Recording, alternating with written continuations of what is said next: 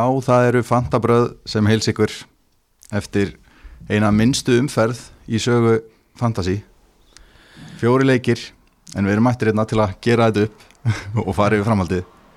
Það er ég, það er Gunni og með mér er Hemsson, blessaður. Já, blessar Þá erum við komnir til að fara yfir þetta. Ég held að maður er ekki lengi að fara yfir liðið. Nei, nei, En uh, viltu ekki bara starta því?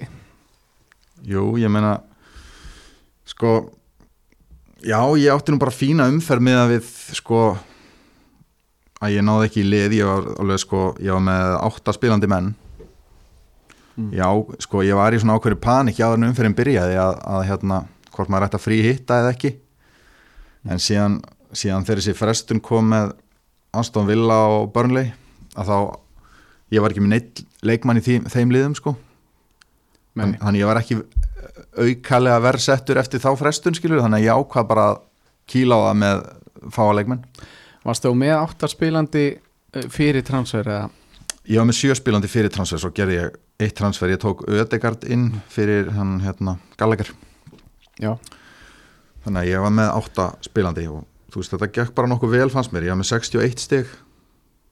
Alveg vel yfir afrið sem er 39, ég held nú að það spili ansi mikið inn í þar að þessi óvirku lið gerðu engar breytingar út af þessum hérna frestunum. Þannig að Mhm. þau fengur örgulega mjög lág stig. Akkurat en hérna já já, ég fekk alveg slatt á stigum, ég er með hérna náttúrulega ég er með Cancelo sem er stjarnar vikuna sem þú náttúrulega ferðaðins betri yfir. Já. Svo er ég með Alonso, nýju stygg, uh, Trent, Ödegard, Saka og Jota, allir með sjö stygg mm og kaftetnin eini sem blankaði, Sala. Já Og svo Ramstel í markinu, það var upptalið. Svo er ég með þrjá frammi, það eru King, Antonio og Ronaldo sem að spilu ekki. Já, um mitt En ekkert mínustig Ekkert stygg, nei. og hann er 61 stig bara mjög vel sloppið Já, ég myndi segja það. mm um, Ég fljótur að fara yfir hjá mér við varum með 5 spilandi Fimm spilandi. já, já. Ég átti sérst að vera með 7 spilandi og ég á mjög nálat frí hitt takkan ég á búin að búa til lið og allt. Um, og var svona ég var bara, ég á mikið á báðum áttum og búin að lesa mikið til um að taka það ekki. Og ég gerði heimskulega ákvörðun á förstu dagskvöldi það var jólahlapur ég okkur svolítið í það. Og í góða heiminum þá ringdi vekarklukkan hjá mér og sagði mér að kaupa Ollie Watkins klukkan kortir í tólf og ég gerði það. Þetta er bara, sko, þetta er náttúrulega það sem við erum alltaf að tala um, sko, ekki, don't drink an FPL, sko. já, maður hápar ekki að opna þetta. En þú veist, þetta er náttúrulega bara, veist, þetta segir okkur bara við erum öll mennsk. Já, og þú veist, þú vannst í fyrra og þú gerir þetta, þú veist, sem segir okkur bara við bara getum öll lendi í þessu. Að bara, við verðum að passa okkur. Já, þetta er bara en búið að vara, vara við þessu fyrir umferð. En maður svona taldi að vera nokkuð örugt um kvöldið að þessi leiku fari fram. En e, svo bara þegar þetta kom í ljós þarna á, í hátteginu á, á lögadeginu að hann er ekki þá tók hjartað á mér svona á svona tvö slög sem döttu út. Og hvað, hvað heiti það? af því að nú ert þú náttúrulega læknir og er er þetta eitthvað tauga þetta er bara, þú veist, hormónarnir stresshormónarnir sem ásaka þetta sko. Þetta er svona byrjunin á einhverju áfallega streitu. Já, bara, ef þú ferð ekki yfir ákveðin sekundufjölda, þá er þetta allt í lagi sko. Já, ok. Þá getur maður allavega, en það sem ég gerði hins vegar að ég var með bandið á Cancelo. Og það bjargaði öllu þessa umferð hjá mér. Og það er rosalegt. kannski les þá upp liðið. Ég var með sér sett Mendy og James sem að heldur hreinu ég var með Trent og Salah og svo Cancelo. Lengra En- var það ekki. hérna, ok, þú náður að redda umferðinni með Cancelo, hvað endar í 58 stigum? Endaði 58, ég var enda með tvo í viðbót. Ég var með Foden sem var kvildur og Já. svo var ég með Regilon sem kom inn í fjóra mínútur fekk eitt stig. Já, já, já, ok, þannig að þú varst með hvað þá, Ég náði- sjö í allt? Já, er sér sex sem að spiluðu af því að Regilon kom inn. Og svo pluss fótinn sem spila ekki neitt en Já. þú vissir það ekki fyrir hann, ok. Þannig að þetta voru sjö leikmenn og þá var ég svona algjörlega á báðum áttum hvort ég átt að fara í fríhitt eða ekki. Um, og ég stilti upp frí hitt liði og var svona bara mjög nálægt að ít að taka hann kortir í deadline, en ég mynd setja inn á síðuna hjá okkur screenshot af því.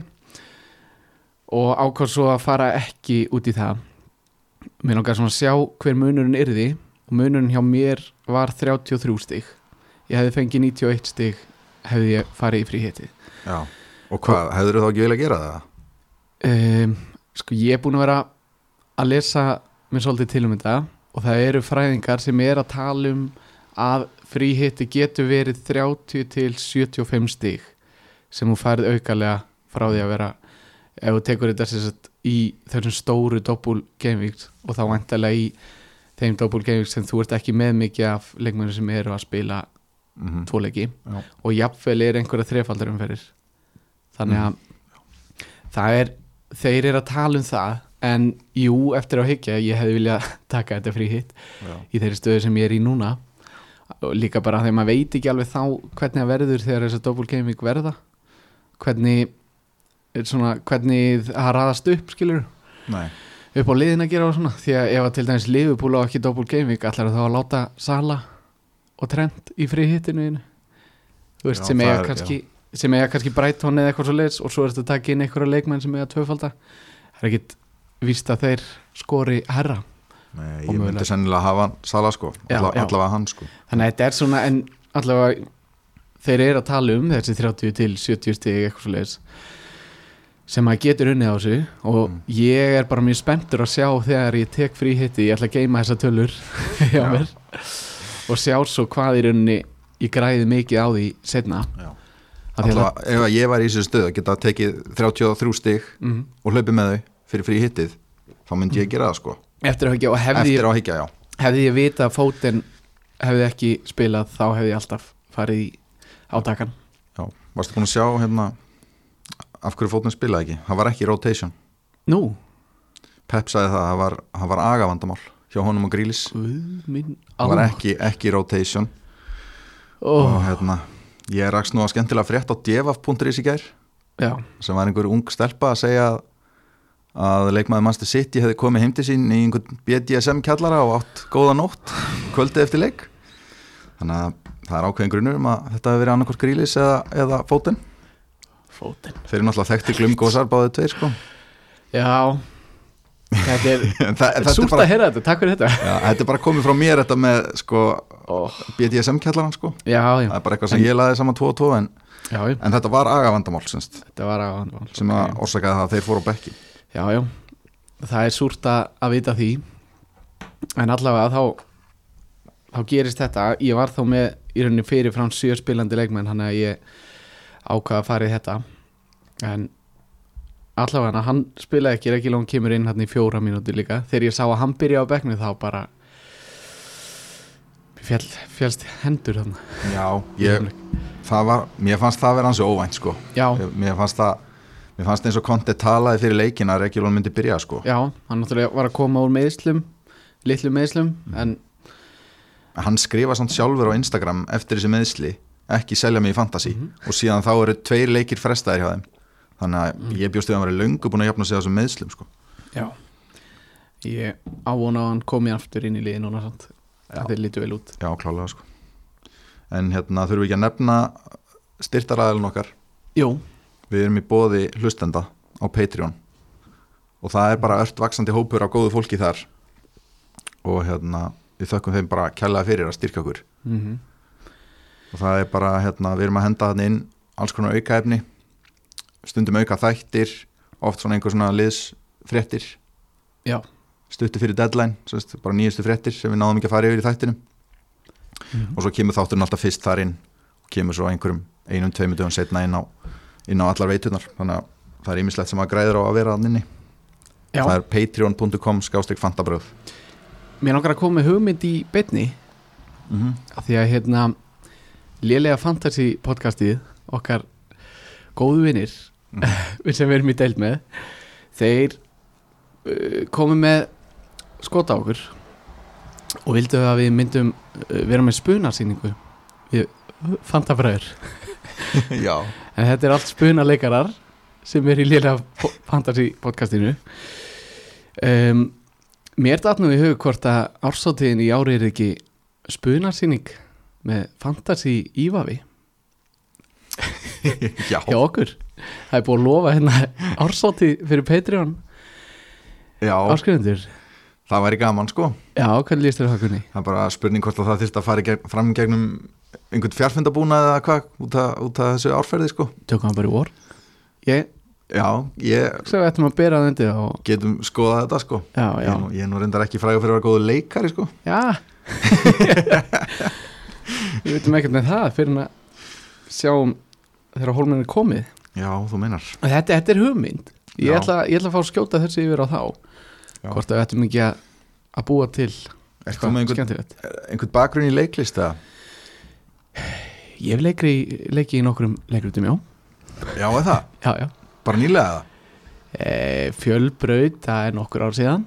Já, ok, Þannig ok, ok ég, ég er með, hérna, já, já, ég er alveg tilbúin að stífast okkur Já, já, ég leik síðast í einhverju skólaleikriti í Findabekk í grunnskóla sko. Og hvernig gekk? ég, Það gekk bara fínt þá, skilur Já, já, þannig að þú ert allavega klár í þetta. Ég, ég veit, ég, ég, veit ég var að segja að ég var ekki klár í þetta ég veit að gilvið til, sko. Ég skal mæta að horfa. E, Já, við skulum allavega Við skulum halda þessu opnu. Ég ætla, ætla að leifa þeim bara, ég ætla að setja boltan yfir þá. Já, Sjá hvað hva gerist. En, aftur á fantasínu. Um, Herðu, við erum líka bóðið massabón Já, massabún í Hafnafyrði Massabón í Hafnafyrði og það er náttúrulega Þú veist, ef einhverjum vantar eitthvað í jólapakkan Mhm. Þetta er eitthvað sem allir geta notað. Klálega Það þurfa allir að þrýfa bílinn sinn. Það þurfa allir að vera á nýbónuðum og flottum bíl eða þú veist, það er allavega að græða allir á því. Mm Þannig að þetta er bara eitthvað sem mér finnst allavega mjög sniðut að gefa eitthvað Gjafabrið þarna sko. Gefa bón í skóin, jáfnvel Hvað svo leiðis? Já, Já Þannig að Það er það er allavega þeir sem vilja, já, taka uh, við erum að reyna á bílum jólin þeir fara í massabón í Hafnafyrði já. og er ekki afsláttur í gegnum okkur líka. Gott ef ekki, það er allavega hægt að reyna það. Já, það var eitthvað svo leiðis 10% afsláttur með kóðan kóða Já, um, Allavega hana, ég var að kíkja kannski aðeins á þessa fjóra leikir sem voru. Já, já, við erum ekki lengja því. Nei, við erum ekki lengi að því. Þetta er allavega á lögatinu var eitt leikur og það Mhm. var Leeds Arsenal Já, sem var skemmtilega leikur. Já. e, Hann fór fjögur eitt fyrir Arsenal. Og ég fagnaði bara mikið þegar Smith Rowe byrja á bekknum. En ég gerði það líka. Já, þú varst ekki með hann? Nei, Nei, þetta En Gæ, hann, gæin er bara í einhverju ruggluðu formi sko. Bara sama hvort hann byrjar á bekknum eða ekki, hann skorar. Þetta er bara, já, og hann er sko hann er by far mesti overperformerin á XG á tímabilinu. Mm, hann er með 2,7 í XG og komið með einhver 7 mörg held ég.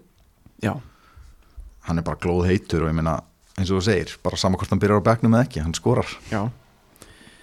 Og mér finnst Arsenalið líta mjög vel út án Obama Já, þeir hafa bara sjaldan litið betur út. Reyn, reyndar voru að spila móti sko Já, já, hérna, ég skoðaði bekkin hjá lýts sástu bekkin hjá lýts? Já Þetta er bara það undarlegasta sem maður hefur séð sko. ég hef aldrei heyrt eitt nafn og ég fylgist mjög vel með. Ég hef aldrei heyrt eitt nafn annað sko.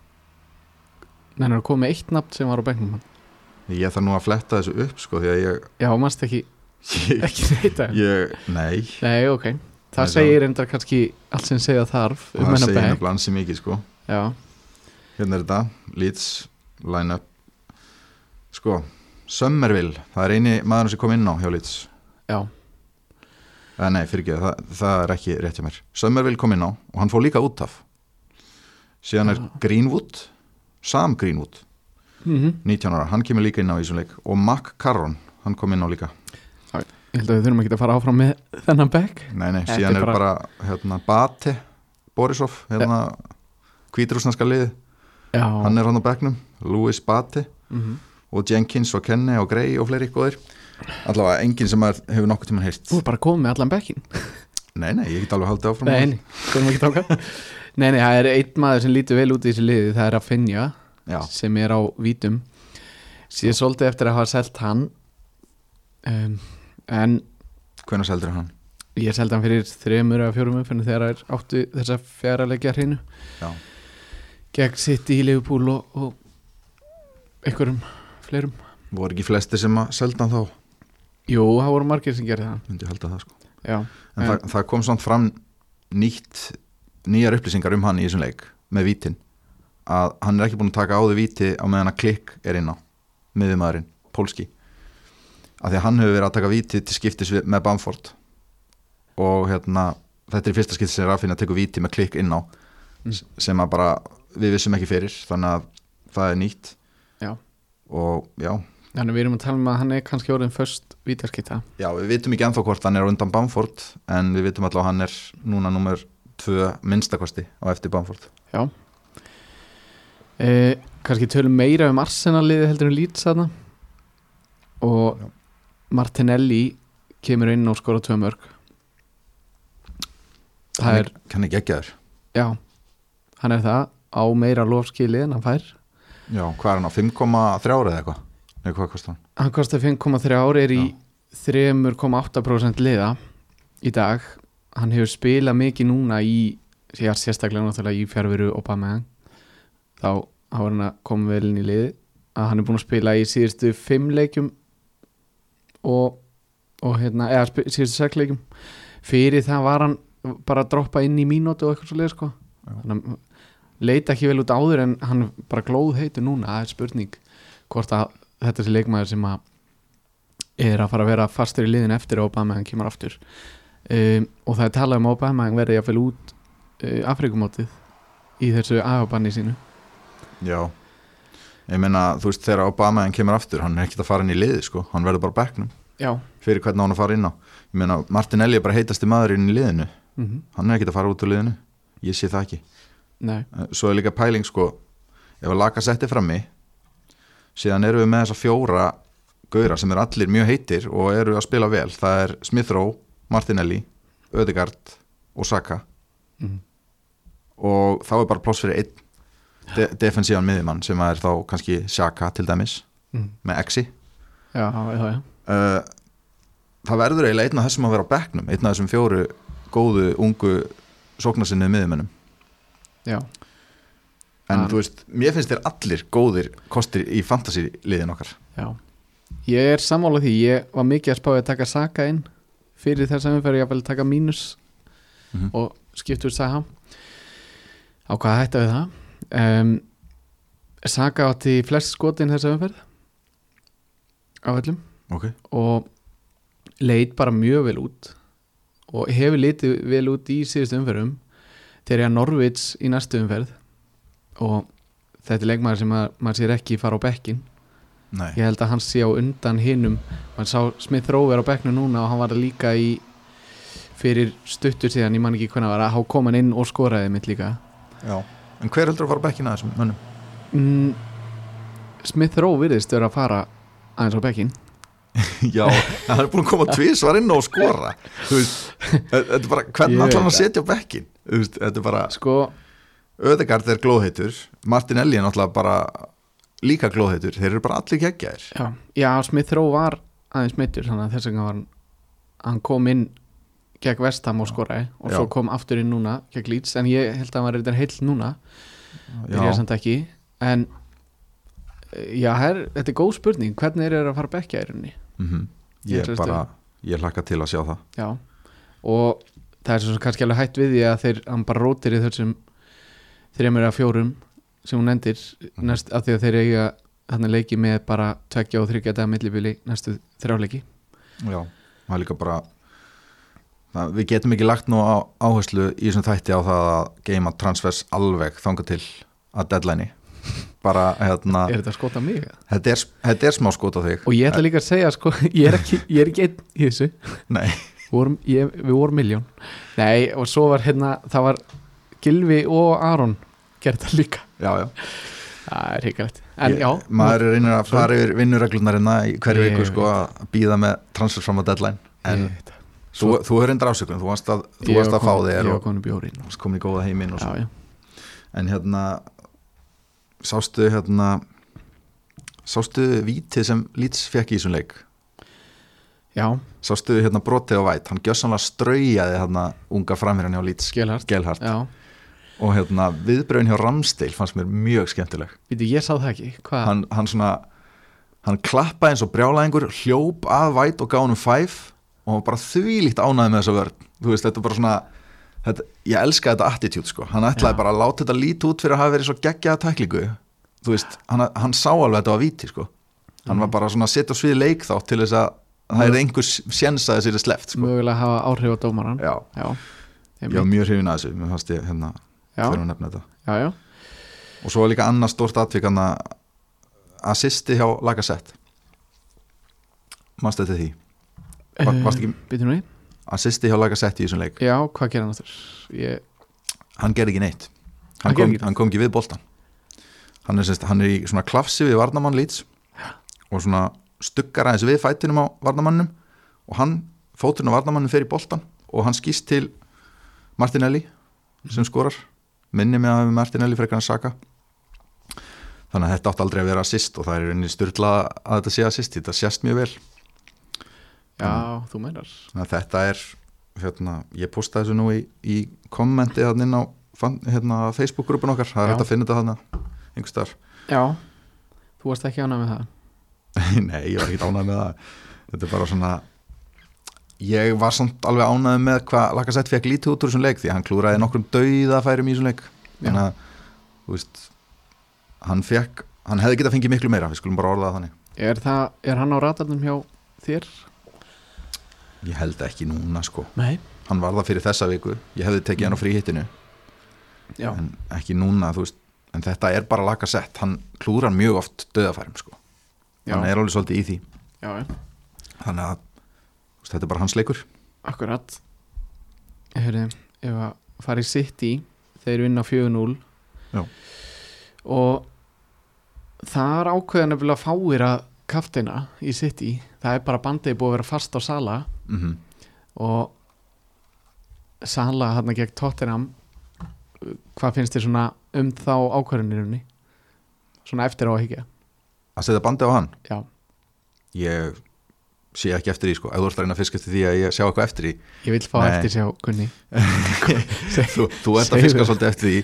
En þú veist, ég, mér fannst að ég verða að hrósa þér fyrir að hafa sett bandi á Cancelo, mér finnst það bara geggja múf mér fannst tækifæri til þess að setja bandi á einhvern annan en Sala vera gott í þessar umferð. Setja það á, eins og ég var búin að ákveða að setja bandi á Sterling ef ég hefði fríhitta. Það hefði gengið upp, hann skoraði. Já, já, en hérna já, að setja hann sitt í mann frekar en Sala. En mér finnst samt fyrirfram Sala hafi verið besti kaftiðin já, en klárlega betri séns í þessari umferð heldur en mjög ofta áður til þess að fara annað leita Mhm. annað sko. Já. ég vel cancel og svolítið líka út frá því að ég náttúrulega vissi að ég var að fara að spila skítaliði sko. Já, sem sagt, góði kallar en fáir. Já, þannig að til þess að eiga möguleika séns, mögulega einhvern séns á að vera á pari við aðra í kring að þá setja ég á cancel og akkurat ef að þetta myndi gerast. En ef að þetta hefði verið öfugt þá hefði ég bara sokkið aðeins dýbra í skítin sko. mm þannig að það var svona, það var svolítið hugsun en svo líka bara það þetta var Newcastle cancel og mér finnst bara þeir eiga alveg að fá tækifæri á bandinu þarna þessir varnamenn sko. Þeir eru búin að vera bæði trend. James svolítið fyrir þessar hreinu sem hann blankar hérna og Cancelo. Það er alveg spurning í svona leikjum þegar að Liverpool á lið eins og Tottenham að allavega eins og fyrir mig -hmm. að færa bandið aðeins til sko. Eh, fyrir þá sem eru kannski í þessari ég myndi eins og Gummi Fele kannski ekki að fara að færa bandið mikið einhver sem er í geggjari stöðu mjög ofalega í heiminum. bara í topp 10 K eða eitthvað. Já, hann er allavega, já, á, á allt róskilið. Hann er geggjaður sko. En nei, ég segi eins og þegar maður er að leita þessum fíturs sem að ég er að leita að þá fer ég þessa leið og það virkaði svo sannlega þessar umfyrir og bara bjargaði mér algjörlega. En, en það var náttúrulega líkamsáros í þessum leik. Já, Ederson uh, tæklaði Freyser niður og þegar boltið var víðsfjari Mm. og það var svona einn af þessum stóru dómara sköndulum í þessum leik. Nei, ekki þessum leik heldur í, í þessar umferð ætla ég að segja. Líka bara fái leikir en ótrúlega mikið af dómara mistökum eða allavega svona vafaðatriðum já, já, þeir eru að fá að heyra það sko. Þeir eru að fá að heyra það dómararnir á Englandi þessa dagana. Já. uh, Gabriel Jesus grindist með COVID eftir leik. Nú, og hann spilaði leikin þannig að þú veist, það getur vel verið að bara allir í hópnum hjá City séu núna í sókví eða eitthvað sko. þetta er staðan. Og Volk, Volk er líka með COVID. Já, þannig að ok koma aðeins kannski betur að því á eftir fyrir næstu umferð. Hvernig það verður en Cancelo steilur sinni þarna. Uh, Sinchenko er búin að vera að byrja núna í staðin fyrir Kyle Walker sem er þú sagðir að væri komið veruna. Mm um, hann er búin að spila síðustu þrjá leiki 6 stig, 6 stig og 11 hvað Og- kostar hann? Heru, hann kostar 5,3 og er í 1% líka Já.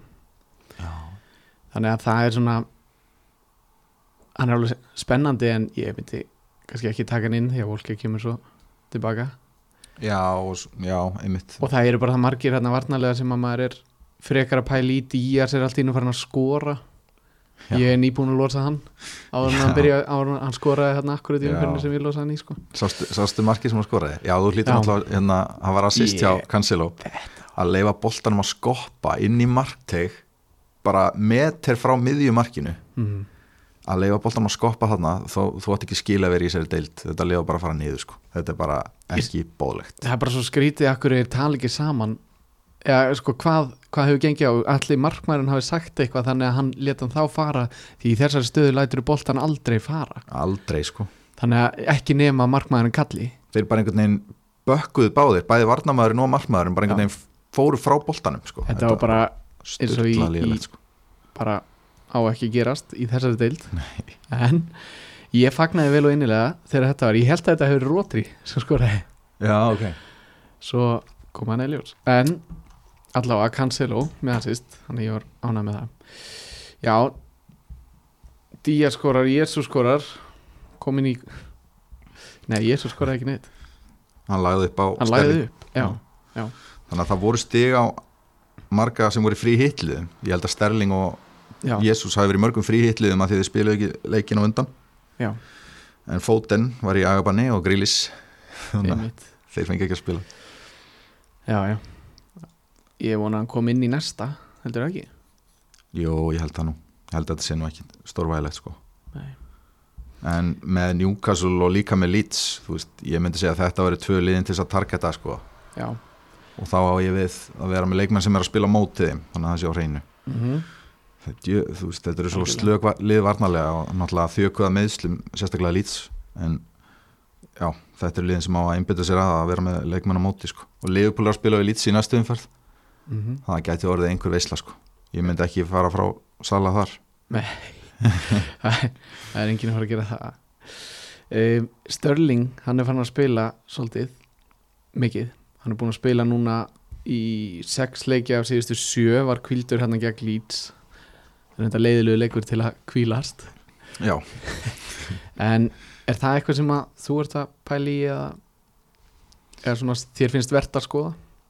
Mér finnst alveg verðt að skoða en þú veist, hann kostar 10,6 og meðan fóten til dæmis er á 8 og. Bernardo eru 7, eitthvað. Son er á þessu verði. Já, mér finnst hann aðeins 10,34. dýr sko já, mér finnst það, mér finnst hann ekkit eitthvað það mikið líklegri heldur en fóten til dæmis.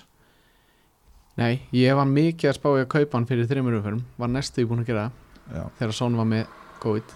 Mm þá hefði ég getað skipt honum beint yfir. Já. en ég ákvað að vera gáður og kefti Rich Harlison fyrir eitthvað fyrir Tony. Þannig að það var fór ekkert neð þannig.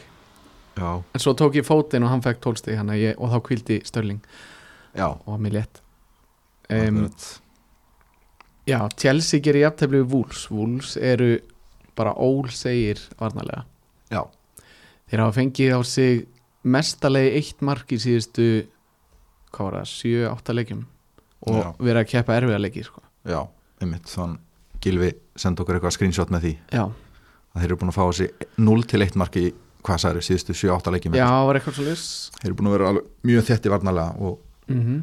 þú veist, núna bráðum þarf maður að fara að huga því að selja Chelsea varnamennina því þeir eru að fara í mjög erfitt prógram og svo blanks já, og þá finnst mér koma til grein að taka vúls varnamannin sko. bara eftir í rauninni þetta að kemur áttan pása núna eftir hérna, 3. januar og eftir það eiga er bara hrikalega gott prógram í í bara já, alveg fram í apríl sko mm -hmm. þannig að það er alveg tími til að taka mögulega Roman Sæts inn Já, hann er náttúrulega alltaf hættulegur í tegnum hjá Já. anstæðingunum sko. Mm þannig að það er hljóma vel sko. Já, já, hérna, og svo náttúrulega sá í markinu líka. Já, sá er hittur. Ah, já. Þetta var hrikalega óvænt. Komur óvæntustu átt þarna. Uh, Já, það var gott já, já, já. En það er allavega ég ætla að skoða það að skipta mendi yfir í hann eftir þess að þrjárum fyrir Já, ég bara, mér finnst ég ekki hafa samt tíma fyrir neinar skiptingar aðrar en einhverja COVID-skiptingar. Bara síðustu fjóru umferðir hafa allt verið einhverjar brunar skiptingar sko. já, já. Maður hefur ekkert geta svona gert það sem maður vill gera því ég hugsa svona mikið fram í tíman Já, margar, margar umferðir fram í tíman og þá er svona búin að læna upp einhverju skiptingu, það er bara allt. Þetta er bara, þú veist, allar breytingar sem maður gerir helgast að þessu COVID-frestunum sko. já, sko, ég var endar, hérna ég var aðeins búin að setja niður hérna bara hvaða breytingar ég er búin að gera undanfarið sem tengist þessu. Að það byrjaði, hérna, ég var með Kane, Regilon og Tony. Seldi þá fyrir hitt þeir voru allir með COVID-frestun. Eða þess að Tony var með COVID og er tveir með fresta að leik út á COVID. Mm. við tókin Ronaldo, Dalot og King fyrir þessa þrjá. Næstu umfyrir eftir fresta hjá þeim öllum út á COVID. Þá tók ég aftur hitt seldi Norman og Mbuemo sem eru miðjumenn sem ég var með þá. Og þá tók ég inn Gallagher og Bowen. Og umfyrirna eftir fresta hjá þeim báðum út á COVID. Þú veist þannig að Þetta þetta er bara búin að vera breytinga það sko. Þetta er ógeðslega súrt. Þetta er bara svipa hjá mér. Ég var einmitt með Kane og Rekilón í sama og þú. Já, ég reynda að tekja inn Son fyrir Kane og hann fekk 13 stig geðveikt ánæði með það. Svo er hann komið með COVID já, eftir það. Þá fer ég í og þá er ég með bæði Tony og hann með COVID og Regilón ekki að spila. Þannig ég verða að fara í skiptingu þá og tekja inn í Charlison fyrir Tony. Og þá gott. hann og þá meiðist hann og fer bara til þess að strá salti í sárin. Þá fer hann út á 50.8. já, sí. Tyggil hlustendi vita að og fær tvö stig eða sérst eitt aukastig fyrir að spila 60 myndir þannig að þetta var bara þetta var svo súrt. Og, og líka bara frá í mánuð. Veist, þannig að ein skipting algjörlega farin til einskýrs og þú verður eiginlega að selja hann sko strax. Þú þarfst að eða annari skiptingu líka í hann. Veist þannig að þetta var það er málið og það, þetta er nefnilega sárast þegar maður gerir eins og þú varst að gera þarna að taka einhvern svona differential sem enginn er með og hann lendir í einhverju svona bulli sko. Þannig að þú ert bara einn í þessum skítabát sko. mm og Richarlison leit reikalega vel út gegn Arsenal skoraði náttúrulega þrjú mörg tvö Já. tekin á honum, bara Já. tæp rángstæða uh, en leit ógeðslega vel út í þessum leik og þess vegna tók ég hann inn og er reyndar tók ég hann inn af því að ég átti 7,4 og Watkins kostaði 7,5 og hann, Richarlison kostaði 7,4 svo var bara allt lélegt fyrir neðan það. Þannig að ég tók hann inn og gatt svo ekki skipt honum út fyrir Watkins umferðin eftir. Þannig að ég skipti fyrir eitthvað sonn þá út og tekin fótinn. Og þá er Watkins komin á 7,7 svo ætlaði ég að vera sniður á föstudaginn og ná honum aðeins ódýrari sko. Mm og í jólabóðinu þá misti ég það. Það var ríkalegt maður. Já, já, en ég held að þú veist, ég held að flesti sem er að hlusta á þetta séu með svipaða sögu og við sko. Já, einhverja svona hörmungar sögu já, ég held við séum bara flestir í skítnum. Já, nema Fel, einmitt, hann var með 11 menn spilandi án þess að gera transfer sko. Já. Hann er einn í heiminu með það. Hann og er hérna, það er allt með honum á þessu tímabili og, og sko sem er, sem er bara frábært sko. ég, ég var í þessum bát á síðast tímabili. Það, var, það voru frestanir og svona. Ég fór mjög vel út úr frestinu og var bara mjög heppin með frestanir sko. Stundum lendir ég bara í þessu svo er ég bara akkurat öfut núna. Mhm. það er bara að það vinnur ekkert með mér sko. það er bara og þetta er svo Akkurat. svona þú, þetta er bara heppni og Já, og það Þannig sko þessi leikur hefur náttúrulega alltaf snúist um bæði skil og hefni já, en þegar það er svona frestana hægri vinstri sem maður getur ekki gert ráð fyrir mm ekki þá verður þetta aðeins hallar þetta meira að hefninni heldur en skil sko. Já, þannig að en þú veist, gerir þetta það. er bara svona það er ekki tætt að gera nýtt í þessu nema að halda áfram. Akkurat. Og það er það sem við ætlum að gera. Alonso Hann er kannski Sá sem að svona Lítur líka vel út þarna í Chelsea. Síðustu umferð fer hann út af ja, Þar síðustu umferð fer hann út af Og fær clean seatið já og þeir, hérna, Evertón skoraði svo eftir að hann fór út af. Já, já.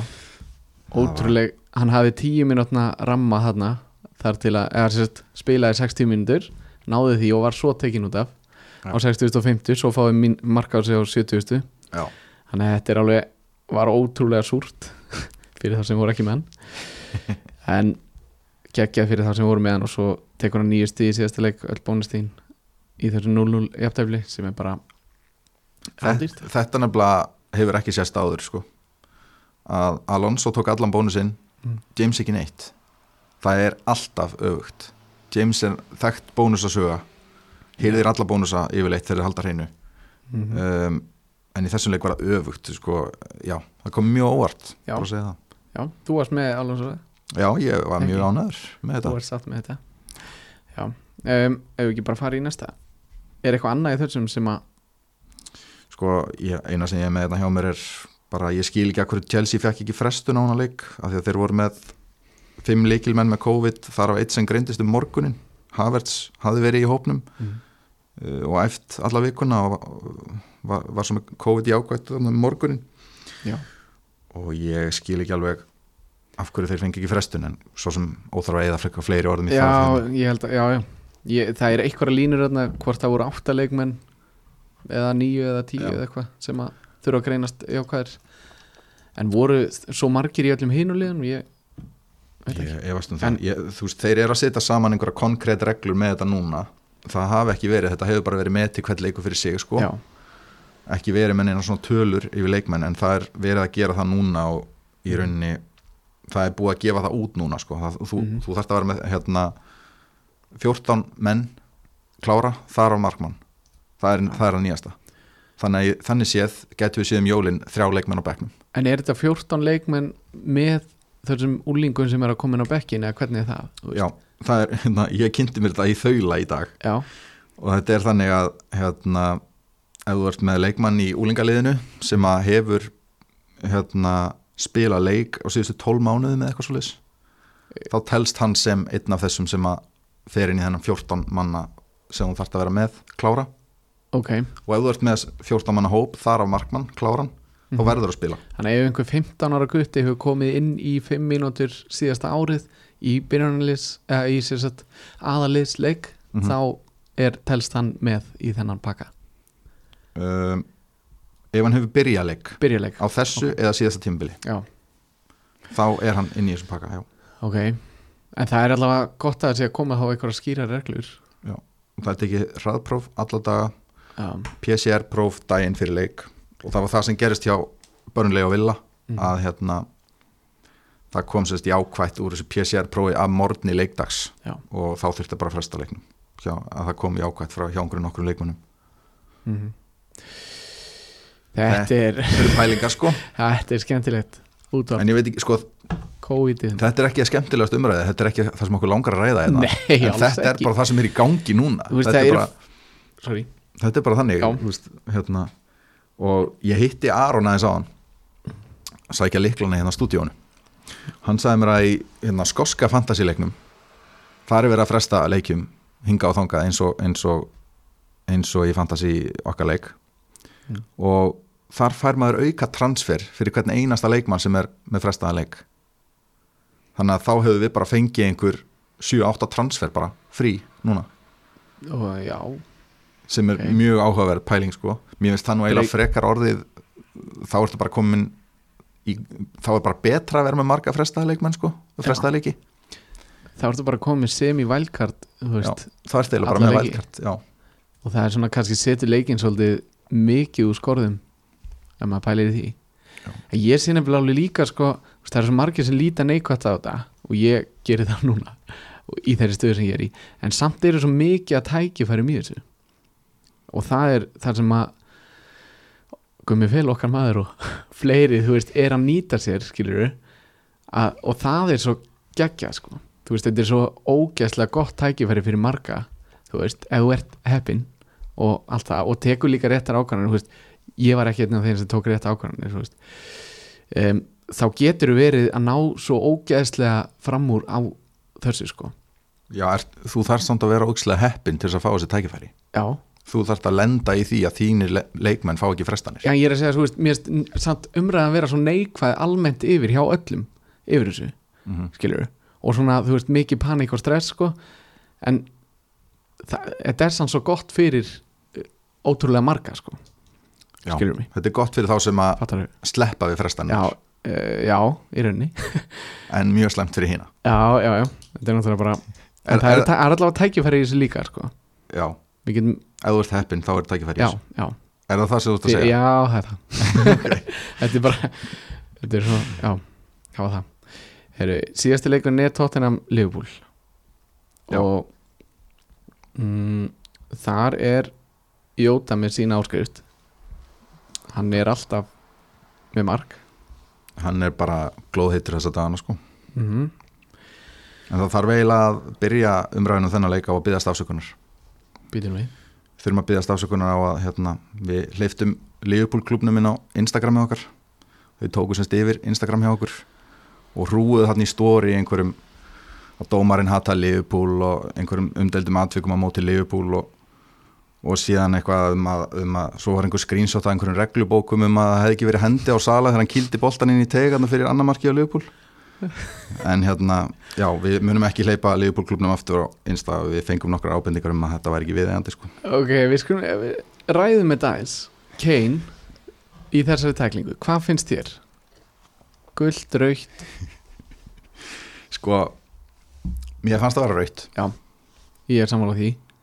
Mér fannst það vera raut og mér finnst fáránlegt að hann fari ekki skjáin já, sérstaklega í ljósi þess að hann hafi setni í leiknum Reiki Robertson út af fyrir minnisækir sko. Ég er að segja það, mér fannst að þetta væri bara guld Það er bara allt í lagi að þetta hafi verið guld hjá Kane svo sem, en þá er þetta guld hjá Robertson líka Hann getur ekki verið að fara í skjáin þá Hann er búinn að gefa gulaspjaldið og í ljósið sem að hafi gerst fyrir leiknum Akkur fer hann í skjáin? Er það ekki hann sem ákveði það? Það er ekki var sem að sendir hann Er það ekki hann sem tekur líka ákveðin um að mögulega sá ég þetta ekki nógu vel Þannig að ég ætla að kíkja á þetta aftur. Ég held að það geti verið hvort sem er sko. ég Já, held að vardómarinn geti sagt heyrðu þú verður að kíkja á þetta þú gerir villu sko. ég held að vardómarinn geti tekið ákvörðun um það líka. En, en ég er ekki alveg klára á því. Ég veit það nei, nei, nei, en ég er allavega alveg á því, ég er ekki liðupúmaður en mér finnst fáránlegt að Robertson hafi fengið raut fyrir þetta ef að Kane fekk ekki raut fyrir veist, gefðu hann okkur guld á bæði eða raut á bæði. Já, sammála því. Mér finnst, mér finnst rauðaspjaldi á Robertson ekki fáránlegt en mér finnst það fáránlegt í ljósi þess að Kane fekk að vera inn á fyrir gróvarabrót fyrir leiknum. Já, það var klárlega brot þannig að það er svona kannski punkturinn í þessu. Mm þannig að við erum sammála því, já, bæði guld bæði raut annarkvort take your pick sko. nei, eiginlega bæði raut, ég er eiginlega á því að þetta sé bæði raut um, Hörðu, Robertson fekk tvo bónusa þrátt fyrir að hann fengi rautspjald Já. Ég man ekki eftir að leikmaður sem hafi fengið rautspjald hafi fengið tvo bónusa. Sem segir allt um hvað var góður í þessum leik. Hann náttúrulega lagði upp mark og skoraði. Já, já, og var frábær í leiknum. Hann var það. Og já, ég, en færðu það mikið af mínuspunktum fyrir auðarspjaldi þú veist, þegar búin að safna þetta miklu, þú veist, varnamæður sem skorar og leggur upp. Þú fær hellinga mínusum sko í, í bónusakerfinu mm en greinilega ekki nógu marga til þess að taka mitt þegar hann er búin að sko skora og leggja upp. Já, já. en En- þetta opna náttúrulega inn á Simikas það er málið. 3,7 varnamaður já, ódýrasti varnamaður bara ever í þessum leik. Mm hann er að fara að spila reyndar ekkit marga leiki. Kannski einn eða tvo. Þeir eru náttúrulega, þeir eru að deilda byggarleik líka sem að bannið næri yfir líka sko. Já. En það sem er kannski gott í þessu er að þeir eru að lýts já, þannig að það er alveg ætti að vera nokkuð Mhm. já, allavega mjög góðu leikur. Eru að lýts heima og svo er Lester þannig að en þetta er samt sko, þú getur kannski ekki verið að eða skiptingu í þetta. Nei, ef að sko það er svo mikið í gangi núna ég held að flestir geta, e- hafi ekki einhverja svona lúksusskiptingar sem er geta verið að nei, ég er eiginlega sammálaði sko. breyta.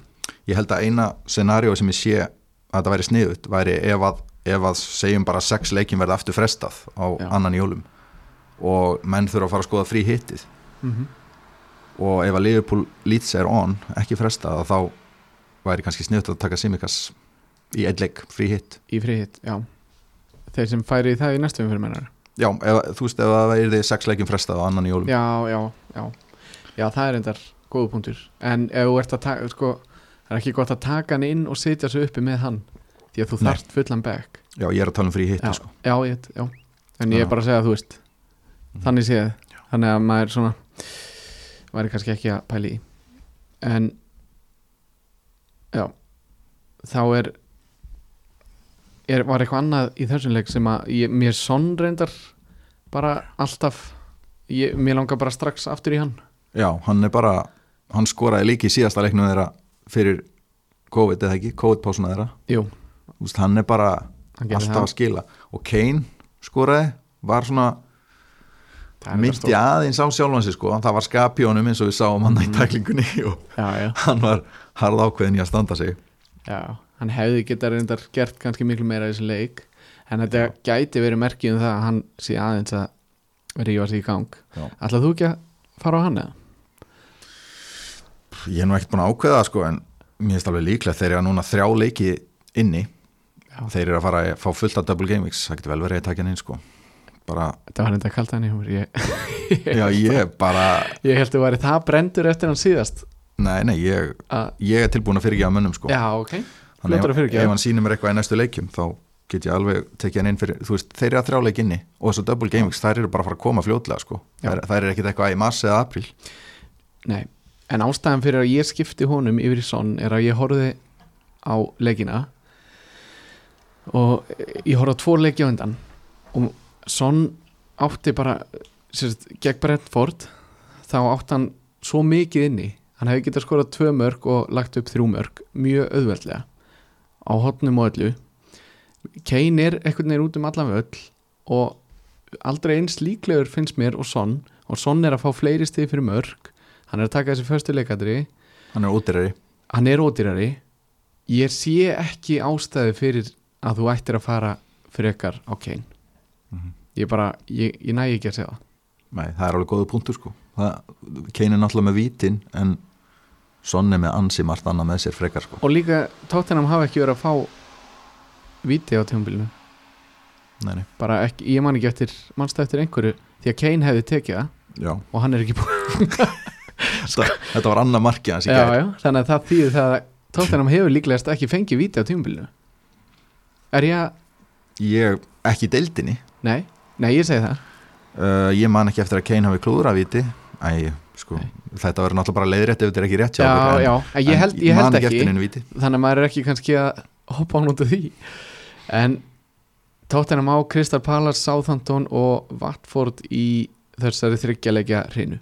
Og þar er sonn hann er svona einn fastasti byrjunarliðsmaðurinn í deildinni þegar hann er ekki með góð Já. og þannig að mér langar svo ógeðslega að skipta yfir hann aftur en þá erum við bara aftur komin í þetta að maður er að eyða svo ógeðslega miklum skiptingum út af COVID, þú veist.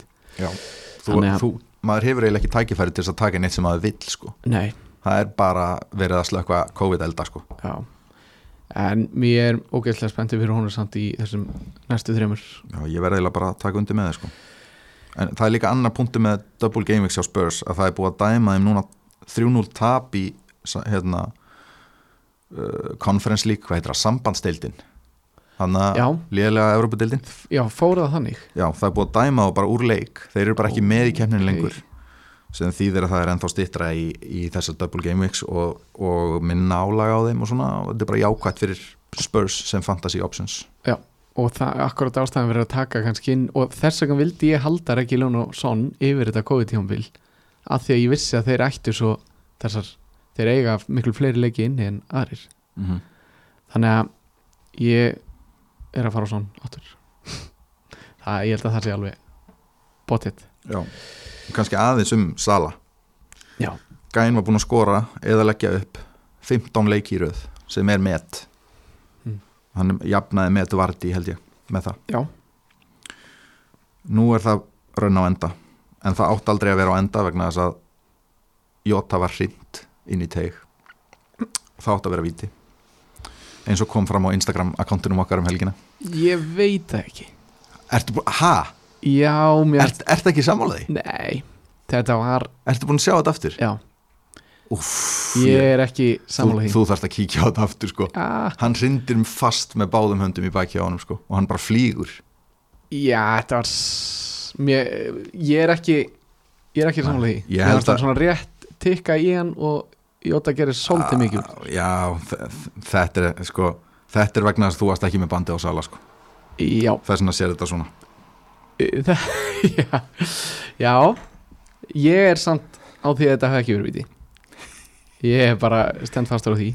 Ég, ég, trú, ég trú ekki því sem ég er að heyra sko. Líklega stærra bandið. Bandið að tala. Ok, Já, ég allavega, þú veist, mér varst miklu fleiri vafaðatri í þessari dóngjastli í þessari umferð heldur en þetta.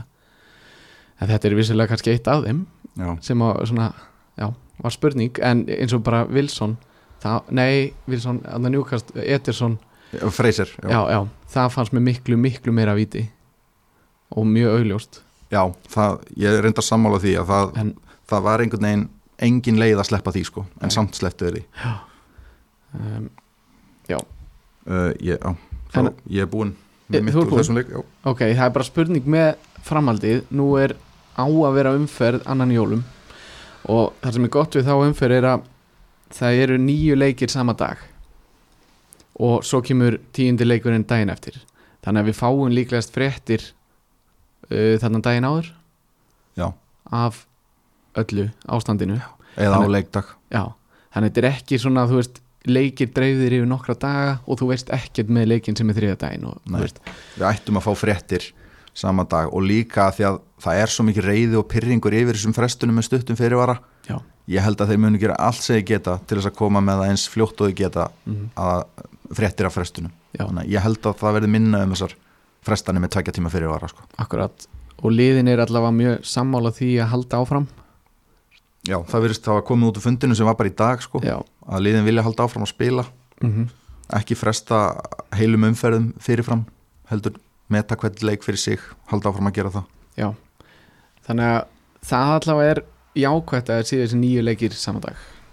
Ég fagna því Þannig að við býðum allavega með allar skiptingar þar til hann í hátteginu E ekki vera full á jóladag ekki, ekki á jóladag sko. það, það er eiginlega bara ekki bóði ég held að megi ekki eins og það má ekki drekka. Rólulegt. Já, ég, eða var það annan jól eða það var einhvern tíðan hérna, já. Þá máttu ekki vera já, allavega skemmtistæður og svona máttu ekki hafa neina viðburði og svona. Já, það var einhvern tíðan eitthvað svo leiðis þannig þetta Já. bara má ekki. Það er bara banna já, bara löggan Og- kemur sko. Fantasy löggan kemur og handtekur þig. Það verður bara veist, allavega allar skiptingar ég er bara, maður er svo heimskur. Þannig að það verður bara hann í hátteginu á sundag á annan jólum. Já, og það hérna, kom líka út úr þessum fundum í dag að, að hérna, það er búið að hætta við öll svona replays í FA Cup af því að þegar að vera játtöfli í FA Cup þá er alltaf annar leikur. Já, það er búið að taka það allt út og það verður bara útkljáð í einum leik, all, allar þessar rimmur. Og það er bara þá uh, framlenging og vitaspenningkjáfi ég veit ekki hvort það verður beint í vító eða, eða framlegging og vító. Mm. en allavega, og þetta hefur þau áhrif að það er þarna ein, ein miðvika þar sem að átt að vera þessi replay úr FA Cup sem að er, verður sennilega double game week í deildin í staðin Mhm. og það mun falla inn í game week 22 þannig að bara get ready fyrir það sko. Og það getur verið bara nánast öll í deildinni sem fá double week þá. Já, ok, hérna, allavega mjög mörg. Ég ætla ekki fullir að vera öll en mjög mörg. Mm við býðum eftir því. Það er bara spenningurinn. Double gamings er að koma, það er handað Já. á hotnið bara get ready. Mm Ertu með spurningar? Ég held að við séum búinir að fara yfir þessa stuttu umferð. Já. Ég er með þetta einhvers staðar hérna uh, hérna. Hérna spyr Bjarni. Ekkert komið í ljós hvenar frestaði leiki verið að spila er uh, gæti verið Game Week 22 double Game Week eins og ég var að segja. Og rest er bara óráðið. En fylgjast með Ben Krellin á Twitter? Já, hann er oftast hann með nýjastu upplýsingar. Já, hann setur saman alls konar Já, uh, hérna, sviðsmyndir Mhm. fyrir, fyrir Double GameX Já. Rút, Rútig er út. Hvernig á að taka inn, spyr Sigfús á rútinni hvernig á að taka inn fyrir Rúdiger? Já. Sér, hún er góð, maður sjá. Rúdiger kostar 6.2 núna. Gerir á fyrir að fá kannski í kringu 6 fyrir hann. Næsti leikur móti Villa eða ekki? Jú, Aston Villa svo kemur Brighton. Það er alveg spurning að halda Rúdiger og taka svo inn Roman Saez mér myndi lítast vel á það sko. Eftir tværi eða þrjárum fyrir ég myndi allavega alveg halda Rútiger í á móti Villa og Brighton sko. Já, en annars er kannski augljósi kosturinn að fara yfir í Díaz sem að virðist vera að byrja að spila núna allar leikja aftur og já, skora mörg. Já ég, myndi, er- ég myndi ekki kaupa hann ef þú ert að reyða á mörkin hans. Nei, að sem, þau er ekkert að fara að halda áfram endalust svo sem ekki en þeir eiga allt í lagi prógram þannig séð. Já, hann, er, hann er klálega góðu kostur sko. Já svo er náttúrulega, veist, ef hann væri að pælja skipta honum út núna þá á uh, þá á Arsenal, Norwich og Wolves. Wolves eru mjög góði varnarlega en þeir eru ekki góði sóknarlega, við getum verið sammála á því. Já, þeir bara, allir leiki fara 0-0 eða 1-0 Já. hjá þeim. það er Þannig- bara alltaf. Akkurat, þannig að næstu tveir leikir þá líta þeir mjög vel út uh, svona uh, Tomi Asu hann reynda fór mittur út af núna. Um, en Gabriel kannski. Er einhverju fleiri sem að þér þetta um, er ekki lón finnst mér líka mjög góðu kosti núna því að þeir eiga inni í þessa þrjáleiki Já. þannig að ef þú ert að hugsa til framtíðar þá eru þeir alltaf að fara að eiga nokkra double gaming sko. Já. og þeir eiga mjög gott prógram framöndan og ég held að ekki Lón sé fasta maður þó að hann hafi kvílt um helgina já, ég sammála því, hann er bara einna mikilvægstu mönnunum í liðinu sko. Já, og þú veist, Konte er náttúrulega bara eins og við höfum talað um í þessum þætti, reyði sér rosalega á þessa vangbakverði í sínum, hérna, hjá sínum liðum sko, mm og hann er bara mjög góðu kostur, ég, þú veist, mér finnst þetta bara mjög góð yfirferð sem þú ert með hérna, það er Vúlsvarnamenn Mhm. uh, Díaz Arsenalvarnamenn og Regilón Ein, einhverja af þessum er bara fín pikk sko. Mhm. uh, síðan er Frikki hérna, hann spyr á ég að skammast mín fyrir að vera með Alonso í liðinu eða eru vini mín í tapsárir? Ég, mér finnst engin ástæð til að skamma sín að vera með Alonso í liðinu. Ég menna eftir að Chilwell mittist þá var bara ljóst að Alonso var að fara að spila flesta ef ekki alla leiki og hann hefur spilað alla leiki í deildinni síðan. Og þetta er bara eitt sóknarsinnaðasti Mhm. bakverður í deildinni þannig að hvernig getur einhver bent á að það sé lélegt pikk, ég er ekki alveg að ná því. Ég skil það ekki skil það ekki. Nei. en kannski má bara benda á að Chelsea er samt að fara í núna mjög vond program eftir næstu tvo og svo allavega tvö blöng þannig að þetta er svona það er alveg pælingar, ég skil þessar pælingar samt að, Já, að fara að losa bráðum Chelsea. Já. En hann spyr á ég að skammast mín fyrir að vera með hann? Nei, Ja, nei, það þarf ekki að skamast sem fyrir það. Og bara taka nýju stíðin hans í síðustu umferð og Já, hlaupa akkurat. með þau og hlæja að þessu Já. vinni uh, Svo spyr Gunnar Berg, hann spyr hérna Sterling halda eða selja og ef selja replacement spurningamarki Já, ég bara halda. Myndi sko, ég ef, ef ég væri með hann í liðinu mín núna þá myndi ég halda honum því að hann er geggja differential. Mm það eru mjög fáið með hann. Akkurat. En það er það eru margir sem komum tilbaka til brunni og, og fleirir og þú veist, hann er alltaf að fara að vera róteraður sant? það er alveg að það sé alveg deginu lösar mm -hmm. en það er það á við um alla hjá City. Hávið um alla. Líklegast mun að spila tvo af þessum þremur næstu. Já. bara alveg eins og fótinn og alveg eins og já, bara eins og allir. Allir já, já. þetta er bara pep, ég meina ef þú velur City mann þá veistu bara að þetta er svona. Mm uh, svo er hérna Hreggi, hann spyr er gummi fel betri en því í fantasy? Voru ekki að fara í ára mikið á hann Já, ég meina gæin er náttúrulega bara eiga ótrúlegt tímabil, Já. tímabil æfisinnar og þó hann veit ekkit um fótbolta, þá veit hann ímislegt um fantasy. Það er nefnilega ekki alltaf sami hluturinn. Nei, ég er alveg samanlega því og við með fórum yfir að fyrir síðustu umferð þó að það tengist kannski ekki komið á þá hérna þú vinnur Ísland 2019-20 eða ekki, Jú, 2020, já.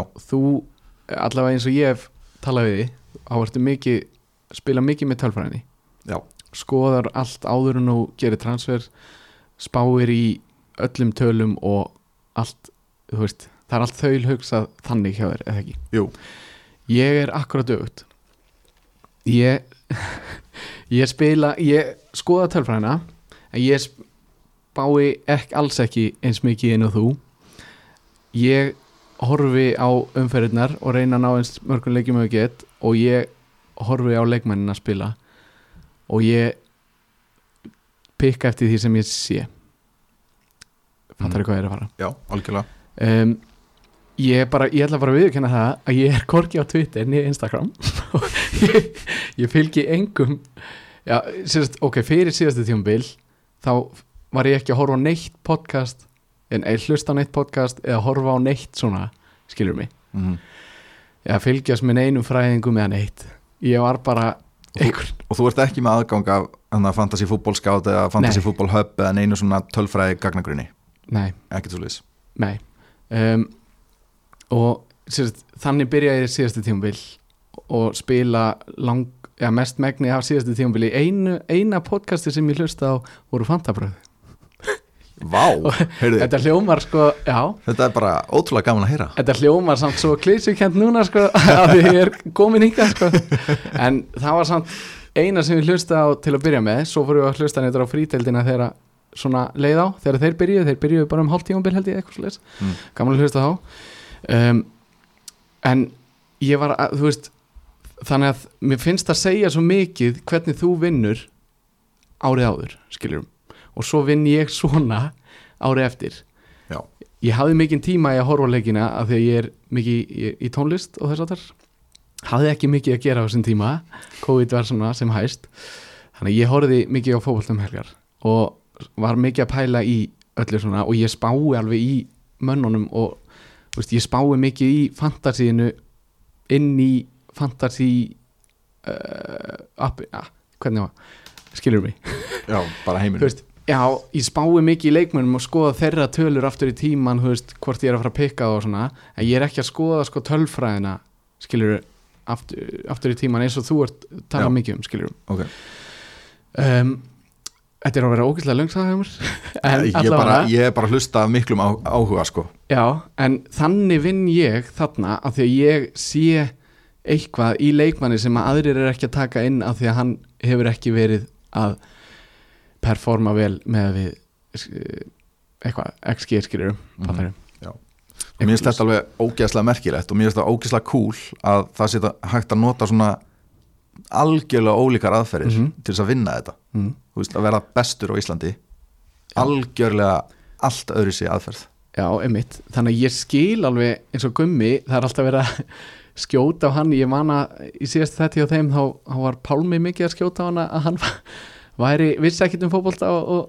og hvað hann var að gera, hann var bara hálf reyður því að hann var þetta ofalega Já. á þeim en mér finnst bara svo gaman að sjá hvernig þetta er skilur að þetta sé svona í rauninni.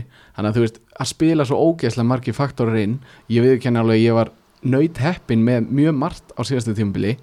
Uh, það var eitthvað sem klúraðist skilur Þú verður að vera heppin til þess að vinna sko. veist, það er líka það sem að sumir ná ekki. Veist, við erum báðir, við erum alveg frekar góðir í þessu.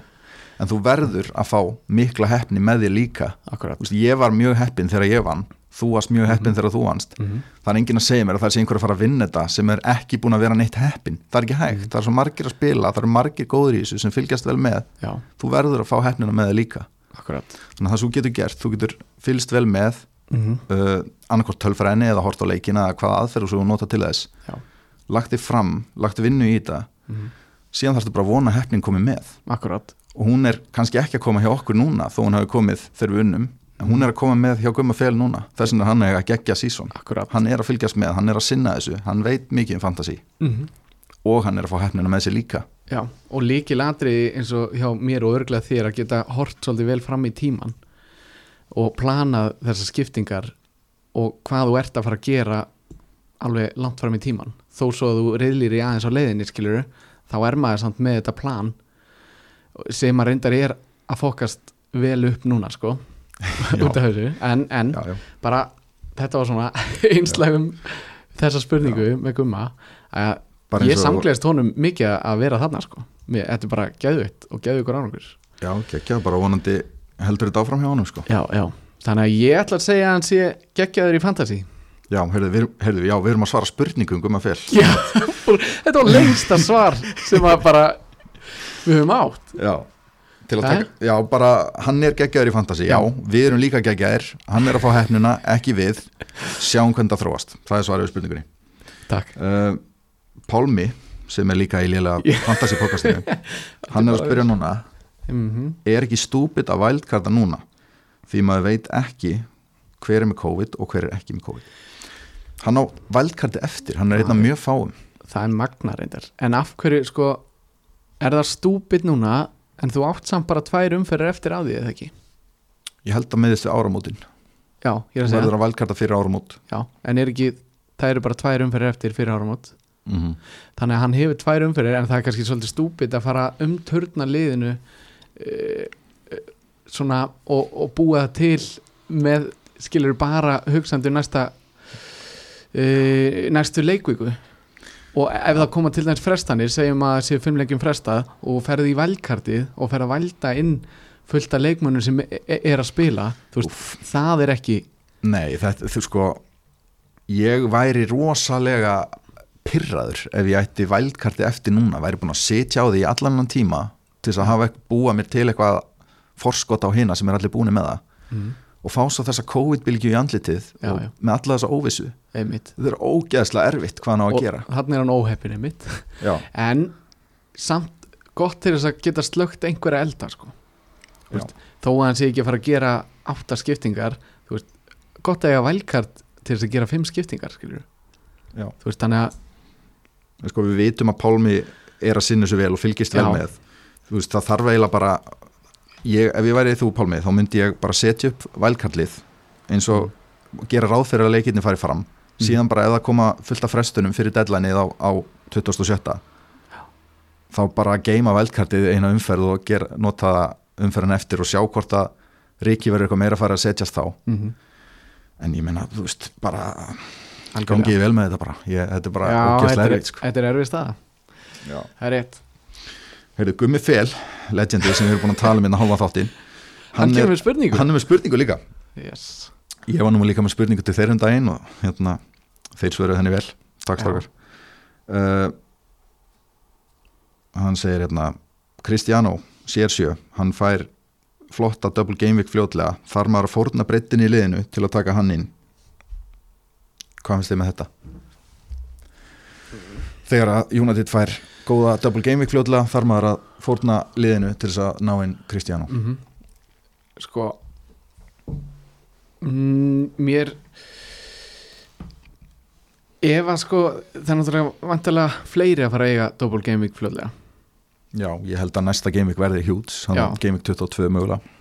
Þannig að það að targeta hann sérstaklega er ekkert endilega mörst það er svo margir að fara að eiga þetta er bara spurning í raunum er gott að taka inn Ronaldo núna eða ekki? Úst, alveg sama hvaða double game week verður eða eða hvernig það er, það er ekki búið að læna því upp og svona, þannig að það er eiginlega ekki hægt að plana uh, og hugsa nákvæmlega út í það. Nei, Við veitum ekki einu sinni hvaða leikir hvaða lið eiga í double game weekunum þannig að mér er kannski aðeins svo snemt að fara að þessu Já, ég held það, en bara pælingin að taka Ronaldo inn er náttúrulega góð núna. Þeir eru í svaka prógrami, hann er út kvildu núna en svo er spurning er einhverjir þarna með COVID og mögulega hann og kannski er hann með COVID sko. já, já, hann, United var með sjö menn klára í Brighton leikinu um helgina. Já, rest var bara COVID eða meittur eða eitthvað.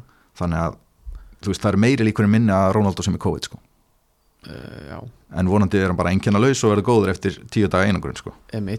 en bara það er alls ekki ekki vitlega að taka inn Ronaldo núna ég ætla ekki að gera það því ég ætla ekki að taka dýran fram með Ronaldo ég er með hann eða þá sko. Já, ég er búin að vera að bekja 12,5 miljón krónar mann eða Mhm. punta eða króna eftir í hvernig menn líta á það. Já. það er alveg erfitt að vera með svona dýramann á bekknum sko en ég er að vona að það skili sér þegar hann fer að spila. Uh, önnur spurning frá Guma Fel. Þetta er svona í anda þeirra spurningar sem þeir eru að fá hann í lélega fantasy þannig podcastinu að tengist ekki fótbolta Gilvi, Aron og Áskir mm myndum halda jólinn saman. Uh, hvernig, hvernig er þið verkaskiptingin? Hver eldar og svo framvegis? Ætla bara að leifa þér að svara þessu. Já, takk fyrir það. Sko fyrir að fyrsta þá myndi Gilvi ekki mæta. Væri hann væri busy, hann væri að vinna. Já, það kemur eitthvað upp og allt í voli hann- var í fjarrri góðu kanni ég hugsa ég er bara fljótlega koni í góða heiminn þú væri með gítarinn alltaf ég væri náttúrulega, já það er rétt. Þú væri að spila eitthvað. það er líka með ársóttíðina, ég kem í gítarinn. Þetta, þetta verður svaka kvöld. Þetta Heyrðu, rosalegt sko. en allavega, já, ég verð með gítarinn og koni í góða heiminn og Já. allir þú verður ekki þú lendir svolítið eldur. Það er að skrifa svolítið að þig. Ég myndi svona, ég held að ég myndi vera svona eitthvað að þykjast vera að gera eitthvað sko. svona þú veist, líta vel út og hérna, svona láta alltaf halda að ég var að gera eitthvað mikilvægt sko. Uh, já, ég, ég myndi treysta Aroni mest í eldhúsinu sko. já ég held að það getur enda verið hann er svona sterkur og ber mesta ábyrð og Já. það er eitthvað sem segir mér að hans er góður í eldhúsinu sko. já, já, hann tæki það mögulega þú væri kannski í einhverjum skreitingum að gera músastega og svona. Já, ásker væri að ná í pakkan undir treð og, og deila þeim út og svona. Já, þetta væri mjög falleg stund þegar maður hugsar út í það. Já, þetta væri kannski að láta kannski að prófa þetta. reyna á þetta. Já, Herði, taka Semikas strax inn, spyr Herman voru við ekki búin að taka það svolítið að hérna, verða sennilega bara 1-2 leiki sem að tekur. Og það er vont að sitja uppi með hann því að þú vilt vera með hann spilandi back. En emitt fríhitt það er góð pæling. Já, mögulega á frí hitti eða ef þú ert með rosalega hendugar aðstæður fyrir þetta ef þú ert bara með mm fullt spilandi lið þrátt fyrir kóðfrestannar og enga aðra elda að slökka Og- og, og með löst liðbúlspott sem að fáir eru já, með. fyrir utan það, já. Það, það eru flestir með Trent, Jota og Sala já, ef þú ert með löst plás og allt annað henda líka fyrir það þá mm. kannski. Já. uh, og síðasta spurningin Jón Jón Ómar uh, er komin tíma á Spurs. Hvernig á að lifa Afríkukemnina af án uh, Captain Sala þetta er eiginlega tvær spurningar. Já, mér er komin tími á spörs þeir eru farin að líta vel út þeir eiga alla þessa leiki inni. Styttist í Double Game Weeks hjá þeim. Um, Son er bara nummer eitt. Ég er bara ég ætla að fá að stela því segja Mhm. það. Ok, uh, ég þóra ekki að fara í Kane fyrir að ég sé meira frá honum sko. mér varst hann bara líta betur út um helgina en fullt af atriðin sem að hefði samt mátt vera miklu betri. Já ég sammála ég myndi ekki stökkva á núna sko. Nei, en ég er hrifin af Son og eh, einum varnatengileið meðurlega Regilón, já, kannski. Og Wing- Ben. Davies er líka komin inn í liðið, hann er ódýr ódýrasti kostunum sérlega já, hann er að byrju hvað segir, 4,3 eða eitthvað? Já, hann var á 4,4 um daginn, já, búin að hækka. Kannski. Sko, það er náttúrulega styrla látt Já, verð fyrir mann, hann virðist vera að spila flesta leiki. Já og búin að leggja upp einhver mörg og eitthvað, veist. Þannig að ef þið vantar ódýran mann mm taka hann, annars Jón En er einhver annar fram á við eins og nú var Deli Alli spilaði átti ótrúleg klúður en var samt, mér fannst hann mjög góður í þessum leik. Það var bara þetta final touch Mhm. þetta er bara rétt í lokin sem klikkar hjá honum. Bæði sendingin á Kane fyrir opnu marki, fyrir aftan Kane lélegt og svo náttúrulega klúður hann bara dauða dauða færi. Já, ma manstu, þetta döða döðafæri sem þú ert að tala um? Já, þetta var á leiðinu stöngin inn sko. Já. Alisson varði það. Alveg, það sást hann í endursýningunni hann að beint fyrir aftan og sem var sínt svolítið setni í leiknum sko. Mhm. þetta, var bara, þetta var bara gott skot og frábær markvarsla. Og fengur ekki hodnið Jú, þeir Já, fengu hotni fengu sko. Já. en allavega, þú veist, er, finnst þér einhver aðri hérna fram á Nei, Nei. Þetta eru þetta er, þetta, ég er sammálega, Son nummer eitt Mhm. Kane kannski. Og svo Region eða, eða hann hérna Davis. Já. ég held að þetta sé bara þannig. Já. Emerson kannski ef hann fyrir að sína eitthvað þarna hinum megin í vang, vangbakverðinu Já. en hérna eins og er þá myndi ég freka taka Region voru fleiri spurningar? Já hann sagði hvernig á að lifa af Afrikukeppnina án Sala. Já, það er bara loksins getur maður að fara að pæla í einhverjum kraftin öðrum en Sala er þetta er bara það sem er spenntur að býða eftir bara loksins er þetta gamli leikurinn aftur þannig að maður hefur einhverja ákvörðin að taka sko. Mhm. en þarna eru við að tala um bara góðan bekk og Sala verður bara geimdur á bekkinu er engin, engin að fara að selja hann Nei, sko, má ekki þetta, fer, er líklegast er þetta ekki bara tveir leikir Jú. í deildinni Jú. þannig að þetta er hvernig lífur af án Sala ég veit ekki hvað þetta hittir á hverjir eiga hvaða leiki en það eru svo margir góðir kaftinkostir sérstaklega varnalega eins og vorum að ræða Cancelo, James og Trent mm. þannig að ég er bara ógæslega spenntur fyrir að fá að velja einhvern annan en Sala Já, ég líka Eh, ég, sko, ég held að Ronaldo og City miðjumenninir gætu líka komið mjög sterkir inn sem kaftin mm. hérna, kostir sko Já. En náttúrulega maður, við förum betur yfir þetta allt hérna í fantabröðum þegar það fara kemur sko. og, en ef þetta verða ekki nema tvei leikir sem Sala verður í burtu þá er ég sammálaðir að hafa hann á bekknum. Já. en veist, það eru rosalega tækifæri að selja hann líka. Hann kostar svo ógeðslega mikið. Þú getur bara, þú veist þú getur gert svo margt spennandi við hann pening. En náttúrulega ef þetta er bara tvei leikir þá er alveg spurning, Já, þetta er sennilega ekki þess verið þá. Mér finnst það bara engin spurning má ekki selja það er bara, nei, þú veist hvernig ætlar að taka hann inn aftur, þú ert náttúrulega búin að tapa hann er komin upp í hvað 13, hann er komin upp í 13,1 held ég. Ef þú keftir hann á 12,5 þá getur þú selt hann á 12,8 Svo já, hann- ok, mun hann- þetta er ekki svo mikil munur. Nei, svo mun hann sennilega lækum 0,2 eða eitthvað. Þannig að þú kaupir hann kannski á 12,9 aftur. Látum það vera að árin í dag er það ekki? Jú, bara þetta er komið gott í dag. Takk fyrir okkur. Takk